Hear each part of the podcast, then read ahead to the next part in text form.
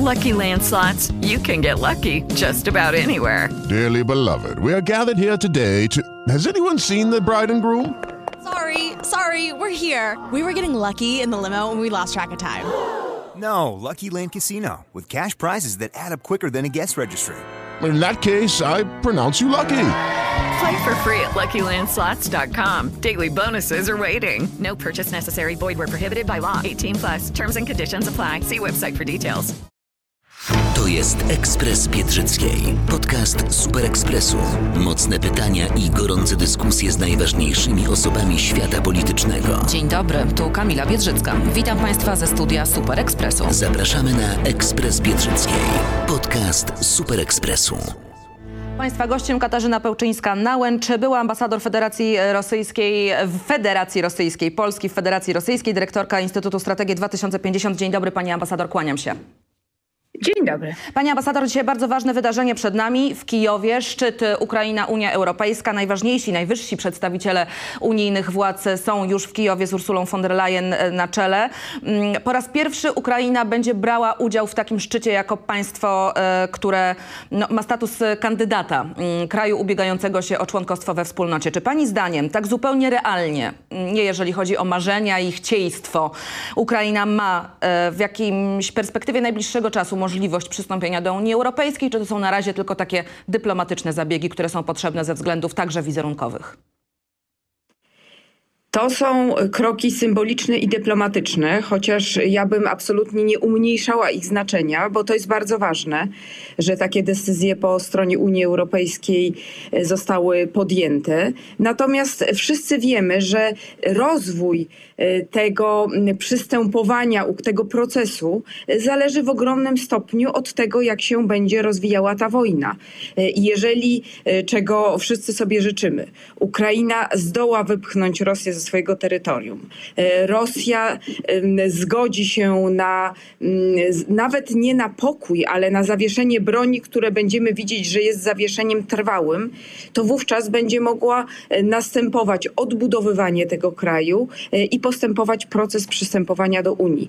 Przystąpienie do Unii w takiej sytuacji, w jakiej to jest obecnie, kiedy no właściwie Trudno nawet mówić o inwestycjach, tak? Mamy do czynienia z demolowaniem tego kraju dzień e, po dniu e, i stanie wojny, która e, obejmuje cały kraj. W takim stanie Ukraina niestety do Unii przystąpić nie może, ale to nie znaczy, że ta wojna się nie ma szansy skończyć i że to przystąpienie w jakiejś dalszej perspektywie się nie zdarzy. Czyli podsumowując, dopóki wojna się nie skończy, Ukraina nie ma szansy zostać ani członkiem Unii Europejskiej, ani tym bardziej Sojuszu Północnoatlantyckiego. Dopóki wojna się nie skończy w takim e, wymiarze i w takiej formie, jak ona jest dzisiaj. Ja nie mówię, że musi zostać podpisany pokój. E, Wystarczy, że będzie trwała, e, że nie będzie działań wojennych na terytorium całej Ukrainy i będzie widać, że Ukraina jest w stanie bronić się przed inwazją rosyjską. To, czy Rosja się zdecyduje na akt pokojowy, na to nie mamy wpływu, natomiast stabilna sytuacja niewojenna na terytorium Ukrainy e, to jest jednak bardzo ważna przesłanka do tego, żeby akcesja do Unii mogła się zdarzyć. E, Ursula von der Leyen powiedziała tak: Miło jest wrócić do Kijowa po raz czwarty od rosyjskiej e, inwazji i dodała, że tak samo zdecydowanie jak wcześniej Unia Europejska chce pokazać poparcie dla Ukrainy. Czy pani zdaniem tego typu gesty, takie spotkanie i to właśnie w Kijowie, bo to jest jeszcze inny wątek, o tym zaraz porozmawiamy, ale czy no, tego typu gesty robią wrażenie na Kremlu, pani zdaniem, czy zupełnie nie? To jest y, bardzo wyrazisty gest symboliczny. Gdyby on był tylko symboliczny, to znaczy gdyby to było tylko wizyty i słowa, chociaż te wizyty są e, imponujące, e, bo to jest na stu komisarzy i wszyscy najważniejsi urzędnicy unijni, więc to naprawdę ma znaczenie. Przyjeżdżają e, do Kijowa. Te dotychczasowe szczyty unijno-ukraińskie nie wyglądały aż tak z taką obecnością aż, tylu komisarzy. Tam było posiedzenie kolegium komisarzy unijnych i rządu ukraińskiego, więc to jest jakby coś więcej niż e, szczyt unijny. I to się nieprzypadkowo zresztą dzieje na moment przed rocznicą tej wojny. I symboliczne znaczenie jest tu ogromnie ważne, ale za tym symbolicznym gestem czy wydarzeniem symbolicznym idzie, idzie konkretna pomoc. I Rosja to wie. To jest pomoc finansowa, bardzo dzisiaj ważna dla gospodarki ukraińskiej i pomoc militarna, pomoc w szkoleniu żołnierzy, pomoc w dostarczaniu broni. Te rzeczy się wzajemnie przeplatają. Ta obecność najwyższych urzędników e, unijnych się przeplata i łączy z coraz mocniejszą e, pomocą finansową i militarną. I ta już na Rosji zdecydowanie robi wrażenie. No właśnie, tylko teraz pytanie pani ambasador, czy na przykład sankcje, które nałożyły kraje Unii Europejskiej na Federację Rosyjską, bo już minęło trochę czasu, przyniosły taki efekt, jakiego się spodziewaliśmy. Wiemy, że przemysł e, zbrojeniowy Rosji działa 24 godziny na dobę, że został przestawiony z trybu pokojowego na tryb wojenny. No, nie widać jakoś specjalnie problemów, jeżeli chodzi o zdobywanie części i rozmaitych rzeczy, które są w stanie odbudować potencjał rosyjskiej armii. E, więc teraz pojawia się bardzo poważne pytanie o skuteczność działań podejmowanych przez wspólnotę po no już de facto roku tej wojny można z całą pewnością wysnuć taki wniosek, że ta wojna przez Rosję e, może zostać przegrana przede wszystkim na froncie. Czyli to, co się dzieje e, na froncie jest najważniejsze i klęska militarna e, jest tym, co może spowodować, że Rosja przestanie kontynuować swoją ekspansję, a to, co się dzieje z tym reżimem, o tym też myślę, że warto porozmawiać rozmawiać za chwilę, w co się dzisiaj przekształca Rosja, jest, no powiem szczerze, absolutnie przerażające e, i powinno, wszystkie dzwonki alarmowe powinny się to jak najbardziej do tego za chwilkę nawiążemy odezwać. jeszcze, ale o sankcjach pani Natomiast pani sankcyjnie. Mhm. Sankcje e, widzimy dzisiaj, to jest też wielki, bezprecedensowy eksperyment. Nikt nigdy nie okładał sankcjami tak wielkimi kraju o takich zasobach surowcowych i jednak tak znaczącej gospodarce, także o takim potencjale e, ludnościowym. I widać po tym roku, że sankcje nie zdemolowały gospodarki rosyjskiej. Nic takiego się nie stało i raczej się nie stanie. E, one spowodowały, że zamiast plus, nie wiem, 6-7% wzrostu PKB, bo prawdopodobnie tak mogło to by wyglądać, gdyby wszystko było normalnie przy e, takiej koniunkturze na surowce, Rosja ma minus 3% PKB, więc jest realna strata, ale to nie jest strata, która kładzie tę gospodarkę gospodarkę na łopatki. Y, ostatnie sankcje, wiadomo, że ta gospodarka przede wszystkim dzisiaj stoi surowcami i dochodami z surowców. Y, ostatnie sankcje, które nakładały taki limit cen y, na ropę, one nie przyniosły efektów spodziewanych, ponieważ widać, że Rosja się przestawia po prostu na innych odbiorców, przestawia się skutecznie. Przede wszystkim Indie tutaj zastępują Unię Europejską i Chiny, ale równocześnie widzimy, że dochód z tych surowców ostatnio ostatnio w budżecie rosyjskim spadł znacząco. Mówię o ostatnich dosłownie e, dwóch miesiącach, dlatego że ceny surowców na rynkach z różnych powodów, także z tego powodu, że Unia sobie znalazła inne dostawy, spadły znacząco. I to jest zarówno gaz, jak i ropa. Ceny spadły, dochody Rosji spadły, ale to ciągle nie oznacza, że Rosja będzie krajem niezdolnym do prowadzenia wojny. Widać już, że te sankcje mogą ograniczyć zdolność, mogą doprowadzić, że ten sprzęt na wojnie będzie mniej zaawansowany i trudniej Rosji go zdobyć i dostarczyć, e, ale to jest czynnik dodatkowy do tego głównego, jakim jest czynnik militarny. To w, w tym kontekście, pani ambasador, jeśli pani pozwoli, chciałam jeszcze poprosić panią o komentarz właśnie w kontekście surowcowym, tak to nazwę w cudzysłowie, bo dzisiaj e, Gazeta Wyborcza pisze o tym, że Orlen wciąż płaci na wojnę Władimira Putina i że w styczniu Polska była największym w Unii Europejskiej importerem rosyjskiej ropy naftowej. Że w, od 1 do 29 stycznia sprowadziliśmy mieliśmy niemal pół miliona e, ton e, mm, i 17 tysięcy praktycznie ton ropy dziennie. To jest e, sytuacja o której co sobie pani myśli? W kontekście także zapowiedzi Daniela Obajtka, który mówił, że jesteśmy przecież w stanie bezproblemowo odciąć się od rosyjskiej ropy. Na pewno to idzie wbrew, wbrew zapowiedziom e, Daniela Obajtka, natomiast Polska była krajem jednym z najbardziej uzależnionych od rosyjskiej ropy e, krajów Unii Europejskiej, co było związane, co jest związane z bliskością geograficzną i z połączeniami infrastrukturalnymi, e, że my tę ropę sprowadzaliśmy ropociągiem i ona ekonomicznie bezwzględnie była najbardziej korzystną opcją. Z tego co wiem, w styczniu 25% polskiego importu ropy pochodziło z Rosji. To jest znacznie mniej niż w minionych latach, czyli tutaj jest ewidentny spadek od jakichś 65%, bo tyle e, to było w 2021 roku. Czyli nie da się mniej tego więcej. zrobić szybciej po prostu, tak? Zbyt dużo oczekujemy. Nie, moim zdaniem być może dałoby się to zrobić szybko. Tu są, nie usprawiedliwiałabym tego tak całkowicie. Związane by były z tym na pewno koszty i tu podjęto taką decyzję, że tych kosztów ewidentnie e, państwo polskie, rząd e, nie chce ponosić, czy wręcz po prostu firma Orlen nie chce ponosić e, w takiej skali, chce je w jakimś stopniu minimalizować. To, że my byśmy mogli skądinąd sprowadzać tę ropę, to na pewno mogłoby się zdarzyć, ale też trzeba pamiętać, że Polska ma długoterminowe kontrakty podpisane, podpisane jeszcze przed wojną i one jakoś tam wygasają i ich zerwanie też wiąże się z kosztami. Ja nie wiem, czy akurat te 25% to jest w ramach długoterminowych kontraktów, bo też Orlen nie za bardzo transparentnie i chętnie o tym wszystkim informuje. E, No dobrze, to teraz wracamy do mm, e, clue e, naszej rozmowy, czyli tego, co dzieje się także w kontekście wojny w samej Rosji. Pani wspomniała, że to, co dzieje się e, z kremlowskim reżimem, z reżimem Putina, to jest rzecz, o której warto porozmawiać. E, Czy pani zdaniem rzeczywiście następuje tam jakiś przełom? Tylko pytanie, czy pozytywny dla świata, czy wprost przeciwnie? O pozytywnym przełomie absolutnie nie ma mowy. Ten kraj się zmienia i zmienia się w, no, w jakiś taki przerażający militarny totalitaryzm. I widać, jak zmienia się linia propagandowa e, tego reżimu, ale to przecież nie jest tylko linia propagandowa, tylko to jest to, czym ten reżim karmi swoich ludzi i czym jest zarówno wewnętrznie, jak i w e, zewnętrznej agresji. E, Dwa dni temu Putin pojechał do Wołgogradu, Stalingradu byłego, e, w którym e, odświętowano rocznicę, 80. rocznicę bitwy pod Stalingradem.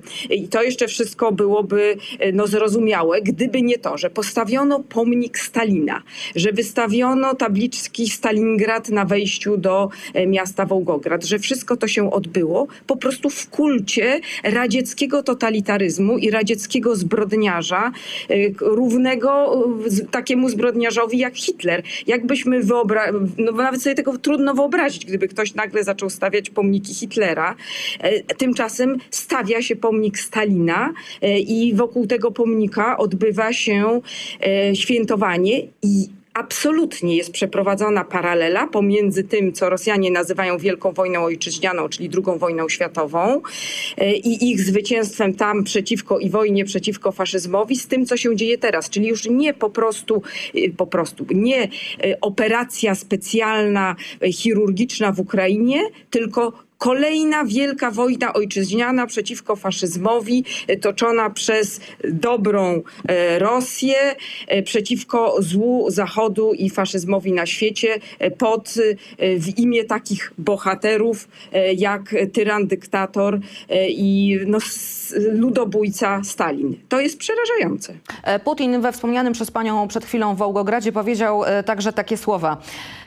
Nie wysyłamy naszych czołgów do ich granic, ich, czyli państw zachodnich, ale mamy coś do powiedzenia, a użycie pojazdów opancerzonych sprawy nie zakończy. Każdy powinien to rozumieć. Co pani rozumie przez te słowa Putina?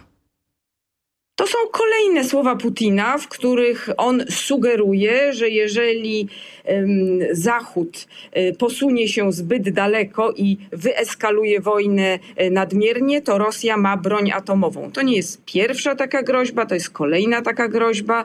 Rosja się cały czas do tej groźby e, odwołuje, w tym sam Putin. I ta wojna, ona wygląda w ten sposób, w taki totalnie asymetryczny sposób, czyli toczy się de facto wyłącznie na terytorium Ukrainy. A Zachód cały czas dyskutuje, jaką broń dawać, bo przecież ta przewaga militarna Zachodu technologiczna jest ogromna, a mimo tego ona nie jest w pełni, daleko nie w pełni wykorzystana na tej wojnie, właśnie z powodu tego, że sytuacja jest bezprecedensowa. Wojna się toczy z imperium nuklearnym. Czegoś takiego jeszcze nie było i Rosja zdaje sobie sprawę, że to jest poważny straszak, Putin też i cały czas ten straszak jest e, propagandowo wykorzystywany. No i chyba jest to, że na ten straszak Zachód cały czas daje się nabierać. Ja bym nie powiedziała, że daje się nabierać, bo gdyby się dał nabierać, to nie dawałby broni Ukrainie, nie dawałby wsparcia, e, powiedzmy sobie szczerze, bez wsparcia amerykańskiego. E, w mniejszym stopniu, ale jednak to też ma znaczenie. Wsparcia unijnego, w tym także wsparcia finansowego, Ukraina by się już nie broniła. Nie byłaby w stanie po prostu się bronić w takiej asymetrycznej wojnie. W związku z tym to wsparcie jest i nie jest tak, że Zachód e, jest sparaliżowany tą groźbą, ale tak, e, ta groźba wisi cały czas. E, powiedziałabym, że wisi nie tylko nad Zachodem, ona w pewnym sensie wisi nad światem. E, I ta groźba jest brana pod uwagę, ale coraz bardziej jest zrozumienie także na Zachodzie, że nie może ta groźba spowodować, żeby Ukraina nie dostawała wsparcia i żeby celem nie było militarne pokonanie Rosji, bo Rosja niepokonana militarnie pójdzie dalej w swoją ekspansją. Ostatnio były groźby wobec Mołdawii. E, są przecież, były też groźby wielokrotnie wygłaszane pod adresem i naszego kraju. Po prostu taki reżim niepowstrzymany militarnie nie zatrzyma się. Pani ambasador, ostatnio mm, Waldemar Skrzypczak, generał Waldemar Skrzypczak, były dowódca wojsk lądowych, e, powiedział mnie, że zdziwiłby się, gdyby się okazało, że Ukraina nie posiada broni jądrowej. Co pani na to? I ja bym się zdziwiła, prawdę powiedziawszy, gdyby Ukraina posiadała mhm. broń jądrową. Według wszelkiej mojej wiedzy tej bro ta broń tam była po rozpadzie Związku Radzieckiego. Teraz tam tej broni nie ma.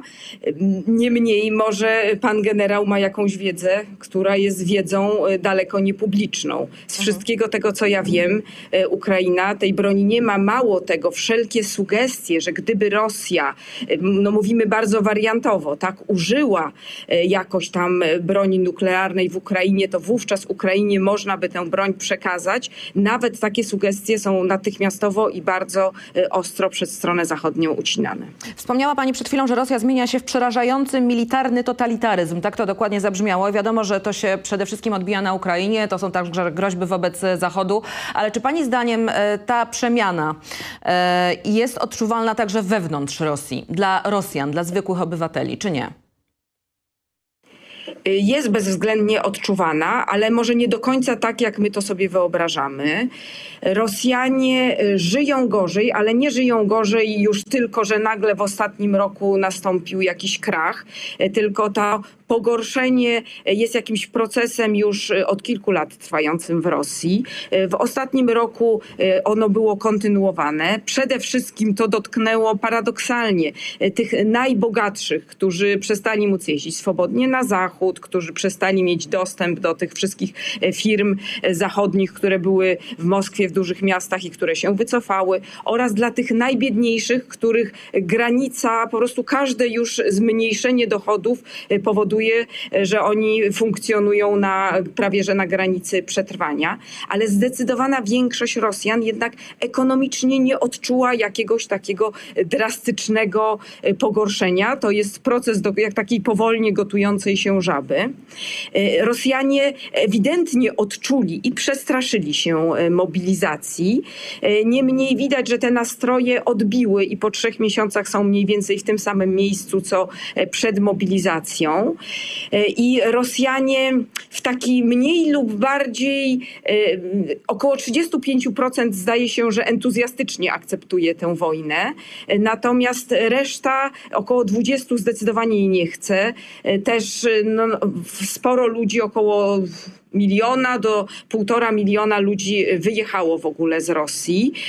I, a po środku ci wszyscy ludzie raczej tej wojny nie chcą, ale równocześnie uważają ją za konieczną, w znacznym stopniu kupują propagandę Kremla, że to jest jakieś zło, które czyha na całą Rosję i chce tę rosyjskość, rosyjski mir zniszczyć. Starają się w ogóle od tego wszystkiego izolować myślowo, mentalnie i widać też z badań takich jakościowych, fokusowych, że ludzie się skierowali w kierunku takiego życia prywatnego, rodzina, znajomi, żeby o tym wszystkim nie myśleć i do siebie nie dopuszczać. Tak więc ich życie się zmieniło. Natomiast pytanie, w jakim stopniu oni mentalnie dopuszczają do siebie to, że ich życie się zmieniło, że oni się nie mogą już w mediach społecznościowych swobodnie wypowiadać e, o polityce, e, że ludzie za e, protesty z napisem nie dla wojny dostają wieloletnie wyroki. Gdzieś tam to na obrzeżach ludzie wiedzą, ale nie chcą wiedzą, wiedzieć i nie chcą tego do siebie dopuszczać.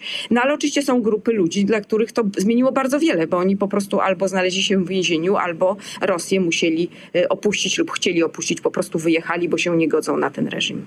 Abbas Galiamow, czyli były e, autor przemówień Władimira e, Putina, stwierdził, że Rosję może czekać zamach stanu, że może dojść do niego w ciągu najbliższego roku. Tutaj cytat i ostrzega, że jeżeli dyktator utrzyma władzę, może zablokować wybory prezydenckie w roku 2024. Czy pani w ogóle wierzy w scenariusz zamachu stanu na Kremlu w Rosji?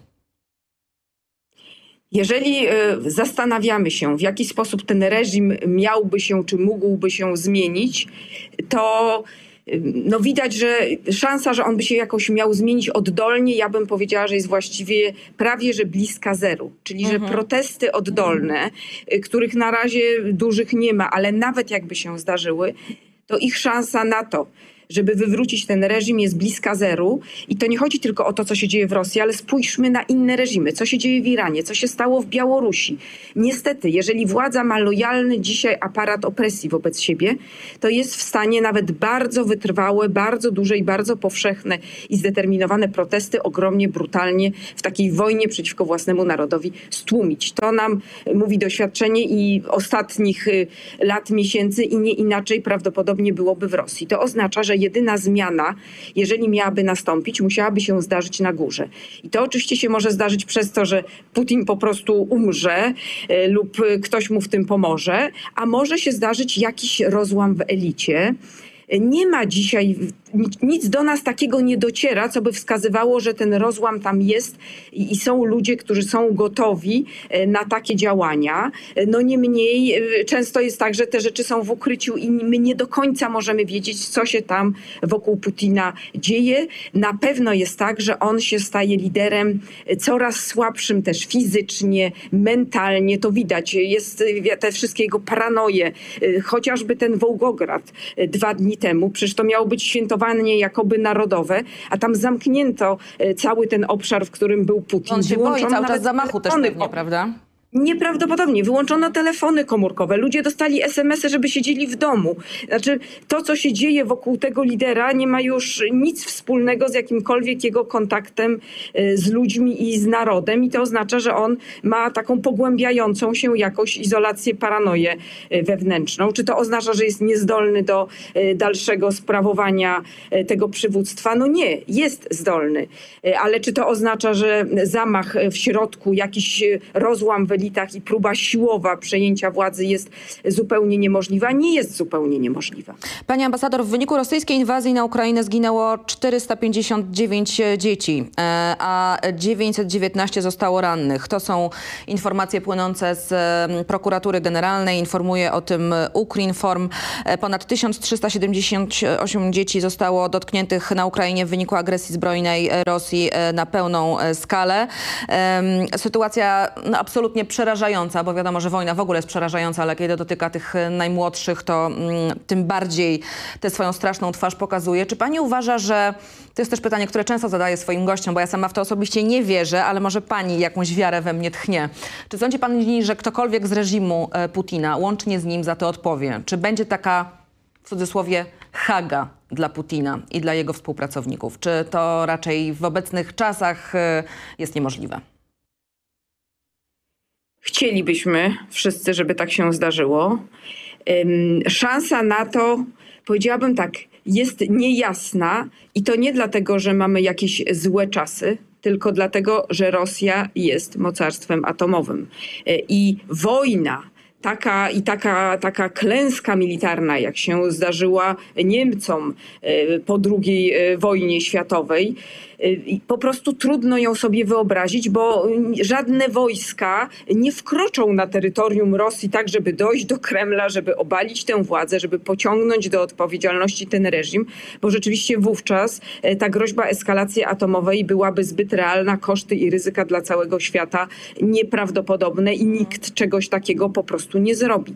Więc jedyna droga tak naprawdę do rozliczenia tego reżimu i tych ludzi odpowiedzialnych za te wszystkie koszty, koszmary byłaby taka, że pod wpływem klęski militarnej w Ukrainie doszłoby do zmiany e, na Kremlu, zmiany, która by e, e, została zainicjowana na górze, co nie znaczy, że ludzie by się oddolnie do tego nie dołączyli, ale tak jak sobie, tak jak powiedziałam, szansa raczej musiałaby zostać zainicjowana na górze i ta zmiana musiałaby pójść po pierwsze nie w stronę jeszcze większej militaryzacji, ale w stronę liberalizacji i demokracji i nowa władza musiałaby mieć odwagę e, i chęć i wolę, żeby tych wszystkich ludzi pociągnąć do odpowiedzialności. No tak, tylko na to się niestety pani ambasador na razie, na razie się nie zanosi, dlatego że wszyscy mówią o tym, że e, Rosjanie szykują bardzo potężną inwazję kolejną, ofensywę. E, Putin kazał zająć Zaporoże do 1 marca. Mówi się o zajęciu całego Donbasu i o tym, że Ukraina właściwie jedyne co w tej chwili może robić, to się bronić. To Rosjanie będą w tej chwili w natarciu. To, o czym powiedziałam, to jest długookresowy scenariusz, mhm. jedyny, który by do tej sprawiedliwości Rozumiem. mógł doprowadzić. Natomiast rzeczywiście najbliższe pół roku e, będzie okresem super ważnym. E, Rosjanie niestety przejęli inicjatywę e, militarną dzisiaj na froncie mm, wschodnim, ale pamiętajmy, że Putin już wyznaczał różne cele. Było i już kontrola całej Ukrainy i zdobycie Kijowa i potem zdobycie całego Donbasu i wszystkie te cele się nie powiodły. Te 嗯。Ataki e, rosyjskie zostały odparte, ale w tym momencie Ukraina stoi przed groźbą kolejnej rosyjskiej ofensywy, przy czym być może prawdopodobnie w takich dwóch etapach. Jedna już teraz w lutym e, z użyciem mobilizowanych, e, którzy w międzyczasie, bo na początku wysłano mm, około setki, nie wiemy, ponad setkę tysięcy mobilizowanych, takich zupełnie nieprzeszkolonych, świeżych, ale pozostałych szkolono przez te kilka miesięcy od września i oni teraz y, po tym przeszkoleniu trafią na front ukraiński. Natomiast to, czego Rosjanom brakuje, to jest y, ciągle wystarczająca ilość ciężkiego uzbrojenia, która jest doprodukowywana. Rosjanie bardzo dużo stracili, ponad 3000 czołgów na przykład w czasie tej inwazji, więc to jest wszystko doprodukowywane e, w, dzisiaj w Rosji i nie mają wystarczająco dużo do tej ofensywy i mówi się, że kolejna ofensywa już gdzieś e, głębszą wiosną na początku lata byłaby ze zmobilizowanymi, e, którzy byliby wyszkoleni i już także z większą ilością ciężkiego uzbrojenia. E, I to te dwa momenty są e, dla Ukrainy krytycznie istotne i dlatego tak ważne są dostawy broni. Nie dostawy broni po prostu kiedyś, tylko jak najszybciej, bo Ukraina jest się w stanie bronić i ma naprawdę dobrą, wyszkoloną armię i dobre przywództwo, ale bez amunicji, bez zaawansowanego uzbrojenia, no nie będzie w stanie e, tej ofensywie stawiać czoło. Czy pani zdaniem dojdzie do wizyty prezydenta Stanów Zjednoczonych Joe Bidena w Polsce w okolicach rocznicy napaści Rosji na Ukrainę. Mówiło się o tym na razie nieoficjalnie. Joe Biden powiedział, że przyjedzie, jeszcze nie zna terminu, no ale właśnie pojawiły się jakieś takie wiadomości dotyczące tego, że miałoby to się też celowo i symbolicznie zdarzyć właśnie w okolicach 24 lutego. E, widać, że wokół tego 24 lutego, no tej rocznicy rocznicy tak naprawdę, e, strasznego wydarzenia i strasznego wojennego roku, jest e, taka wola symbolicznego zaznaczenia tego e, z obu stron. Ta, ten szczyt unijno-ukraiński, o którym mówiliśmy, jest częścią tego. Wizyta ewentualna. Ja mam wrażenie, że tu nie ma po prostu ostatecznej decyzji mhm. w tej sprawie, czy Biden miałby być w Polsce. Oczywiście strona polska Polska by tego bardzo chciała. No wiadomo. E, I tu jest decyzja e, po stronie amerykańskiej, która nie została jeszcze ostatecznie podjęta. E, Natomiast już jest, wygląda na to decyzja, że mm, decyzja jest decyzja po stronie rosyjskiej, że wreszcie to wystąpienie Putina, e, które przecież było odkładane i zgodnie z konstytucją, ale któż by ją w Rosji szanował, no niemniej miało się odbyć w zeszłym roku, zostało przełożone na 22 lutego, czyli Putin e, według wszelkich informacji wygłosi je właśnie, na rocznicę Pani ambasador, e, wojny. i na koniec sprawa ostatnia i bardzo krótko, bo wiem, że pan profesor Antoni Dudek już czeka, ale o to muszę panią zapytać, ponieważ była pani e, na zjeździe krajowym Polski 2050 ostatnio. Rozumiem, że utożsamia się pani z tą partią. Czy pani będzie startować do Sejmu z list e, e, Szymona Hołowni?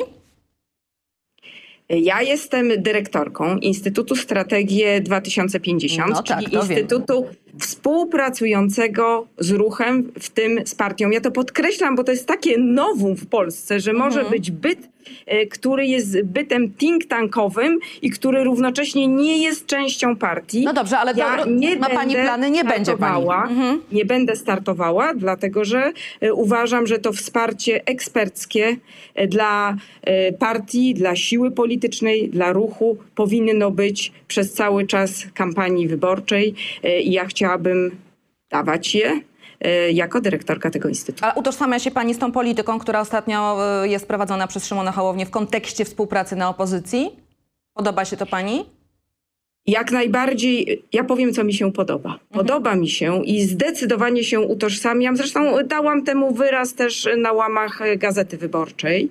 Utożsamiam się z tym, że jeżeli pojawia się prawo zaproponowane przez obecną e, koalicję, które jest sprzeczne z konstytucją, to ja po siedmiu latach, a naprawdę wielokrotnie się w tej sprawie wypowiadałam, e, chodziłam na protesty i mówiłam i nie jestem osobą, która z dnia na dzień z powodu jakichś kalkulacji politycznych powie, no dobrze, ale tym razem to będziemy, przymkniemy oczy na to, że to prawo jest sprzeczne z konstytucją i będziemy za nią głosować. Ja jestem głęboko przekonana, że jeżeli prawo jest sprzeczne z konstytucją, a to prawo o Sądzie Najwyższym jest i to powiedzieli najwięksi, powiedziały największe autorytety prawne, te wszystkie, na które powołujemy się od siedmiu lat, to wtedy trzeba przeciwko takiemu prawu głosować. Katarzyna Pełczyńska-Nałęcz. Ktoś tam, się, się i pozwalać, żeby ono de facto przeszło. ktoś tam się usilnie do pani dobija, więc już oddaję w Niestety ręce. dobija, tak. Katarzyna Pełczyńska-Nałęcz, była ambasador Rzeczypospolitej w Federacji Rosyjskiej, dyrektorka Instytutu 2050 i nie przyszła poseł, jak sama zapowiedziała. Bardzo dziękuję e, pani ambasador, kłaniam się i do zobaczenia. Dziękuję bardzo. To był Ekspres Biedrzyckiej, podcast Super Ekspresu. Zapraszam na kolejne spotkanie w Ekspresie Biedrzyckiej. Pozdrawiam bardzo serdecznie. Kamila Biedrzycka. Rozmowę znajdziesz także w Super Ekspresie, w internecie i gazecie. With the Lucky Land slots, you can get lucky just about anywhere. This is your captain speaking. Uh, we've got clear runway and the weather's fine, but we're just going to circle up here a while and uh, get lucky. No, no, nothing like that. It's just these cash prizes add up quick. So I suggest you sit back, keep your tray table upright, and start getting lucky. Play for free at LuckyLandSlots.com. Are you feeling lucky? No purchase necessary. Void where prohibited by law. 18 plus terms and conditions apply. See website for details.